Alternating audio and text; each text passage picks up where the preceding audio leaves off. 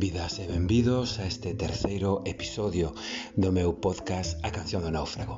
Hoxe gustaríame reflexionar un pouco con todas e con todos sobre algo que últimamente estamos escoitando dicir moito, pero que parece que como tantas cousas que queda só ou vai quedar só nunha frase que se di moito. Todo iso de que a cultura é esencial. Resulta que non contábamos con unha pandemia, non contábamos cun confinamento e oxalá que non haxa máis pero entre o 14 de marzo e o 21 de xuño que se di moi rápido, pero foron unha chea de meses, unha chea de semanas, unha chea de días e unha chea de horas metidos na casa. Moita xente descubriu a importancia dos libros, a importancia das series, a importancia da música. E, centrándonos na cuestión do libro, pois os índices de lectura disparáronse, disparáronse dunha maneira absolutamente incrible. Non tanto as vendas, O que se disparou foi a lectura deses libros que tiñamos na casa. En todo caso, non é isto do que quero falar, senón que o que vimos foi que se estableceu como un axioma que ninguén discutía que a cultura de alguna maneira nos salvou a vida, que a cultura polo menos nos salvou a vida mental. Nunha situación de tantísima dureza como foi a do confinamento, moitas e moitos atopamos a compaña que necesitábamos nos libros, nos poemas, nos versos, nas tramas, nas ficcións e tamén nas reflexións, nos libros de ensaio, en todo caso, nos libros. Moita xente colleu ese volume que estaba aí mirando para ti con cara de risa dende había anos e decidiches desta vez que oías ler Entón, eh, de alguna maneira, escoitamos a moitísima xente falar sobre a importancia da cultura, non? Eh, todos gozamos dese veciño que salía ao balcón e eh, tocaba para nós. Ese mesmo veciño, hoxe, ten serios problemas para sobrevivir, porque as salas de concertos van pechando. Estamos lendo estes días como as salas de concertos pechan. Librarías pecharon unha chea delas dende que toda esta, este pesadelo comezou.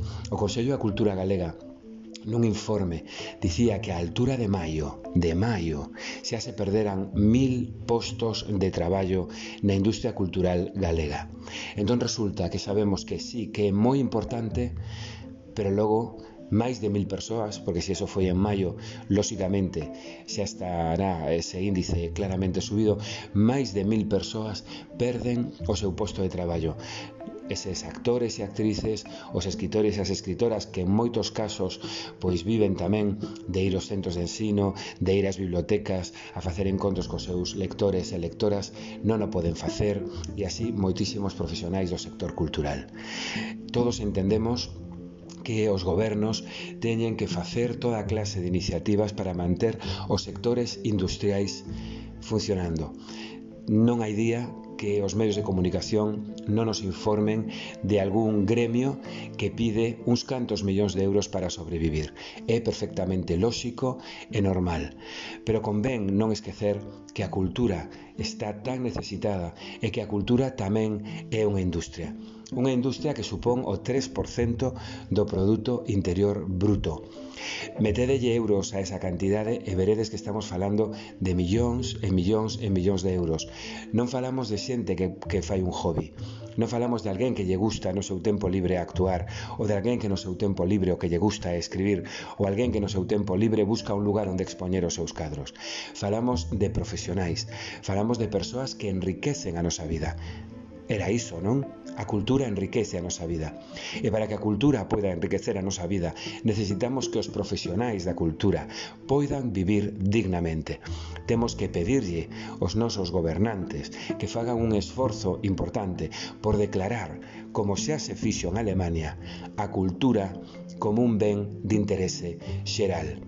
Lembrades naquel primeiro goberno de Aznar, cando Álvarez Cascos, que era ministro, eh, conseguiu que se declarase o fútbol en aberto, daquela o daba Canal Plus codificado, o fútbol en aberto como de interese eh, de interés general. Así nos dixo. Bueno, pois creo que dende aqueles lonxanos anos 90 non escoitei a ningún ministro ou a ningunha ministra falar de nada como de interese xeral e a cultura é de interese xeral. Temos que facer un gran pacto político por moitas cousas, por a renovación do Consello Xeral do Poder Judicial e por todo o que queirades, pero é necesario tamén un gran pacto político pola cultura.